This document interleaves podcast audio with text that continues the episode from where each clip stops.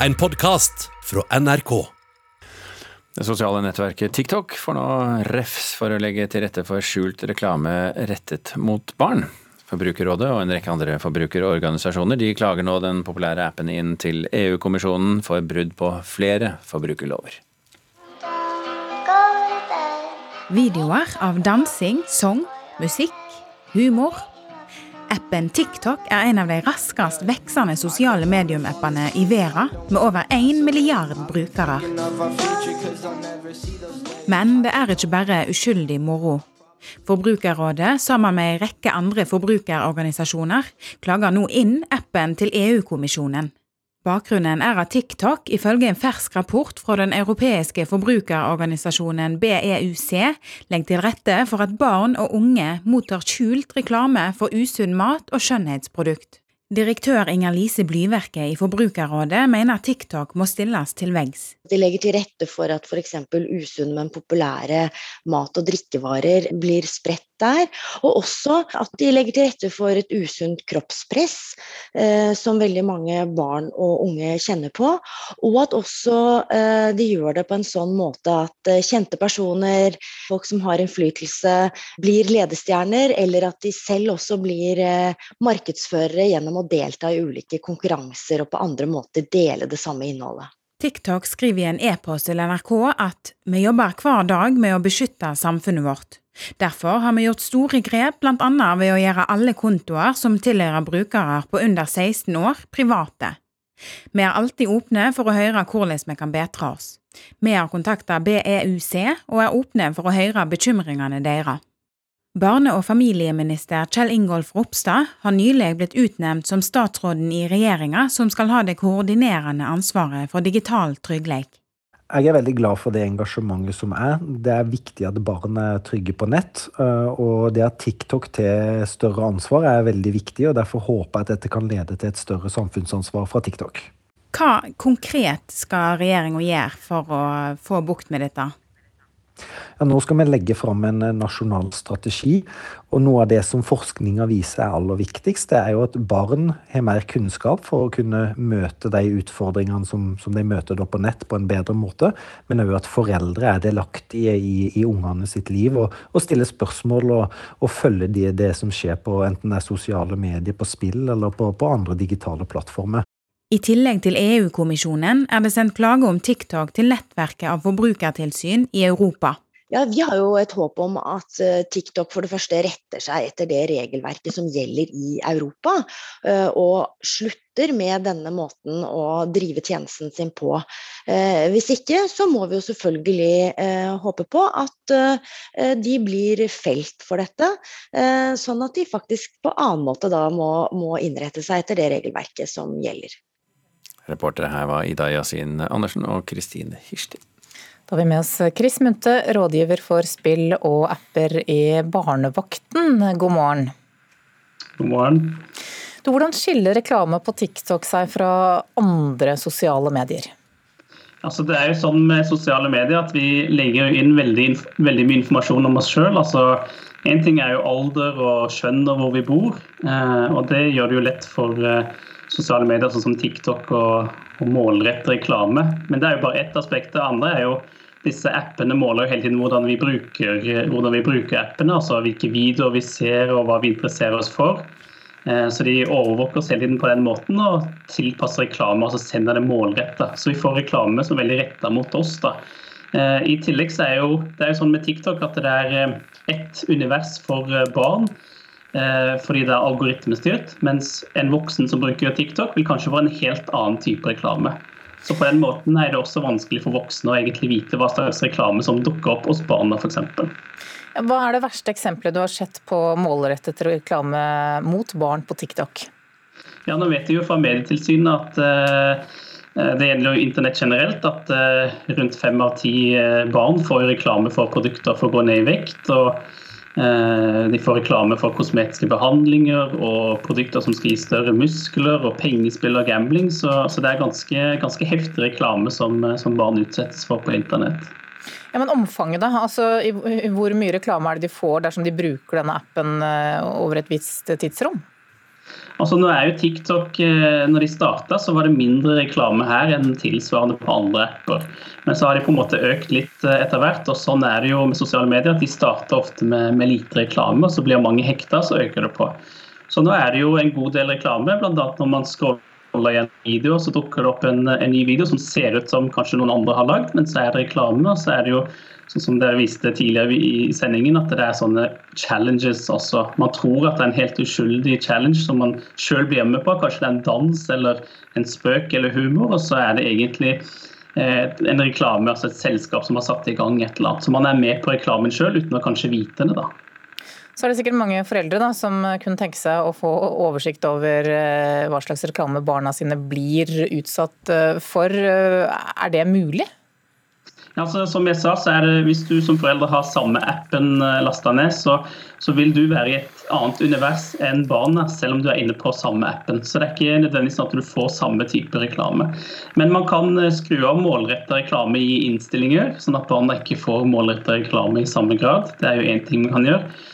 Men til syvende og sist så er det det her med å gi barna altså snakke om at den type reklame finnes. At det er vanlige personer som på en måte får betalt, og det er selskaper som får betalt. At TikTok tjener masse masse penger på å drive denne appen.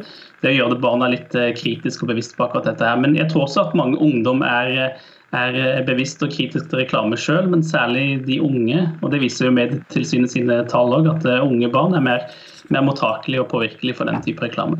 Men Er eh, denne reklamen så målrettet at f.eks. tre barn i en søskenflokk, en på 9 da, for eksempel, og en på 18, ikke får den samme reklamen eh, inn på, sitt, på sin TikTok?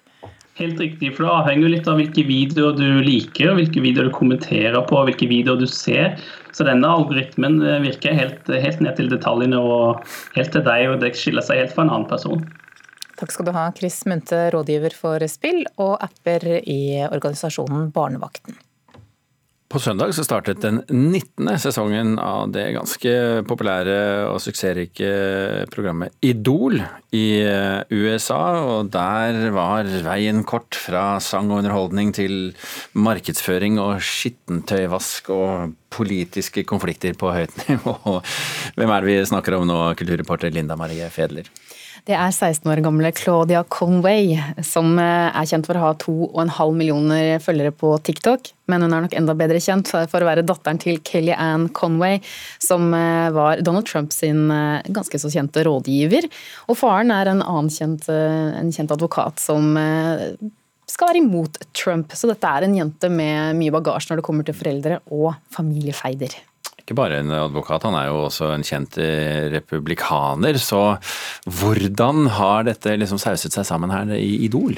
Ja, mor og datter de har jo et eh, ganske turbulent forhold. Eh, for dette, og dette forholdet ble ganske godt kjent da Kelly Ann, altså mor, angivelig skal ha publisert et, et toppløsbilde av datteren sin på sosiale medier som hevn for at datter snakket ned mor på TikTok.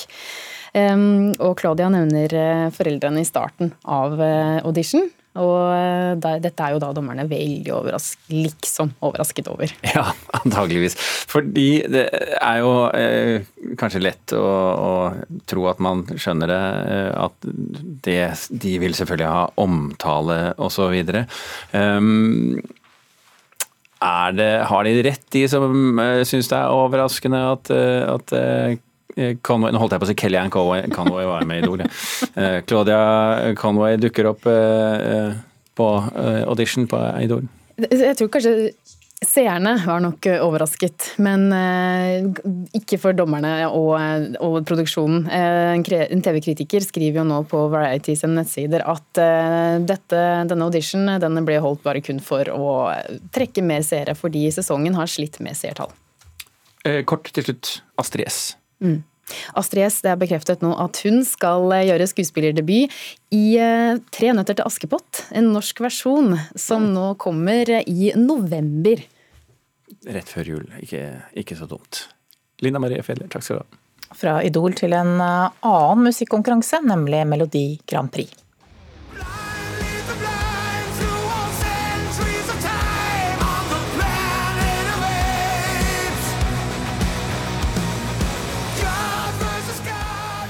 Jørn Lande alias Jorn gikk videre med sin Faith, eh, Bloody Faith eh, til eh, Han vant siste sjansefinalen i Melodi Grand Prix sent i går kveld. Og dette er da ett av tolv innslag som førstkommende lørdag skal kjempe om å representere Norge under Eurovision-finalen senere i vår. Det er mange sanger, men spørsmålet er hvor gode de egentlig er. Vi har med oss NRKs musikkritiker Espen Borge, god morgen. God morgen. Vi må starte med Jorden, da, eller Jørn Lande, som han, som han egentlig heter. Han vant altså den siste plassen til finalen i går. Var det fortjent? Ja, det vil jeg si. Jeg syns det egentlig var eh, nokså fortjent. Han, eh, det bidraget hans er veldig sånn klassisk, eh, litt på siden MGP-bidrag. Veldig sånn snill og folkelig metall, som sikkert har en viss appell ute i Europa også, med tanke på hvor sterkt norsk metall står der. Eh, det var jo kanskje et par låter jeg heller skulle ha sett i finalen, f.eks. the Bell og, eller Maria Solheim, men jeg syns ikke det er noen skandale at det er Jorden som går til finalen i det hele tatt. Ja, nå skal han altså konkurrere med elleve andre om å eh, vinne den norske MGP-finalen på lørdag. Hvilke bidrag tror du har størst sjanse til å gå videre til Eurovision-finalen i Nederland? Jeg tror det er ganske Jeg tror det er litt tyngre. Eh, en, en stor, tung favoritt, eh, og det tror jeg er Tix.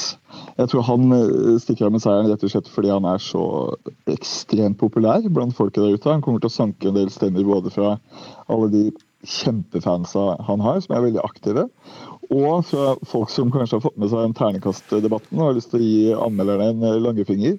Så jeg tror Tix kommer til å få en veldig bra lørdag. Okay, vi får høre litt på det på Ut av mørket, som er sangen hans.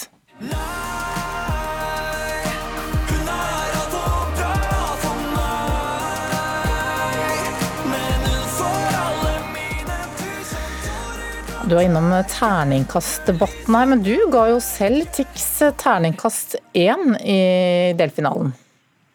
Ja, jeg gjorde det. Jeg skal, altså, jeg skal, være litt forsiktig med å rippe opp i den debatten der, men jeg skal gladelig innrømme at den låta ikke er eh, det vasseste jeg har hørt i mitt liv. Jeg syns den er ganske klisjéfylt, både tekstlig og melodisk. Jeg syns det er kanskje ja, på sitt beste helt ordinær og generisk kjøpesenterpop. Men den er jo et levende bevis på at eh, avstanden mellom kritiker og publikum eh, som alltid er veldig stor. da. Og det er jo som det skal være. Han er jo som sagt veldig populær, og det er jo en eller annen merkelig årsak til det. Ok, så Tix, eh, du holder en knapp på han, men eh, hvem blir da de viktigste utfordrerne på lørdag? Ja, Da tror jeg det blir i all hovedsak eh, Keiino, som har hatt suksess med samme oppskrift tidligere. De har en veldig sterk låt som er smidd over samme lest som 'Spirit in the Sky', som de var med i 2019. Okay, vi, vi, hører litt på den før du snakker videre. Ja, la oss gjøre det.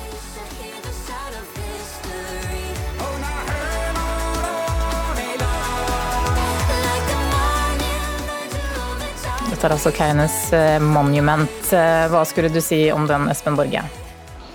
Ja, nei, altså Jeg tror at uh, joiken til Fred Buljo fortsatt er eksotisk nok til at de har en ganske brukbar sjanse. Uh, og så syns jeg jo at Rein Alexander har den klart sterkeste låta av de forhåndskvalifiserte bidragene. Han er jo også ute etter revansj da, etter stemmeskandalen i fjor, så han er en ganske ålreit outsider å følge med på. Har du en eh, personlig favoritt? da? Du sier jo at du tror Tix gjør det bra, men han er kanskje ikke, kanskje ikke din favoritt, eh, sånn jeg leser det? Nei. Um, ja, Da må jeg nok gå for et av de bidragene som ikke er forhåndskvalifisert. Som uh, den som vant delfinalen på lørdag, den siste delfinalen, og det var jo Imerika. Uh, den låta syns jeg er så kul. Altså, den holder nesten Adele-kvalitet. Den er ganske sånn utradisjonell i MGP-sammenheng. Det er en ballade som fenger gjennom det hele, og det er jo ganske uvanlig.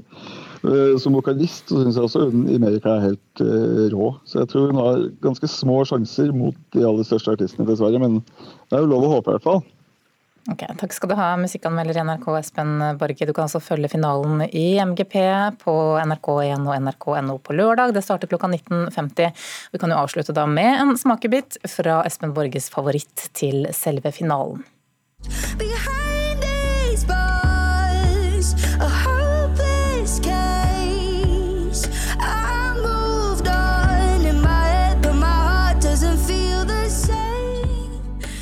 Du har hørt en podkast fra NRK. Hør flere podkaster og din favorittkanal i appen NRK Radio.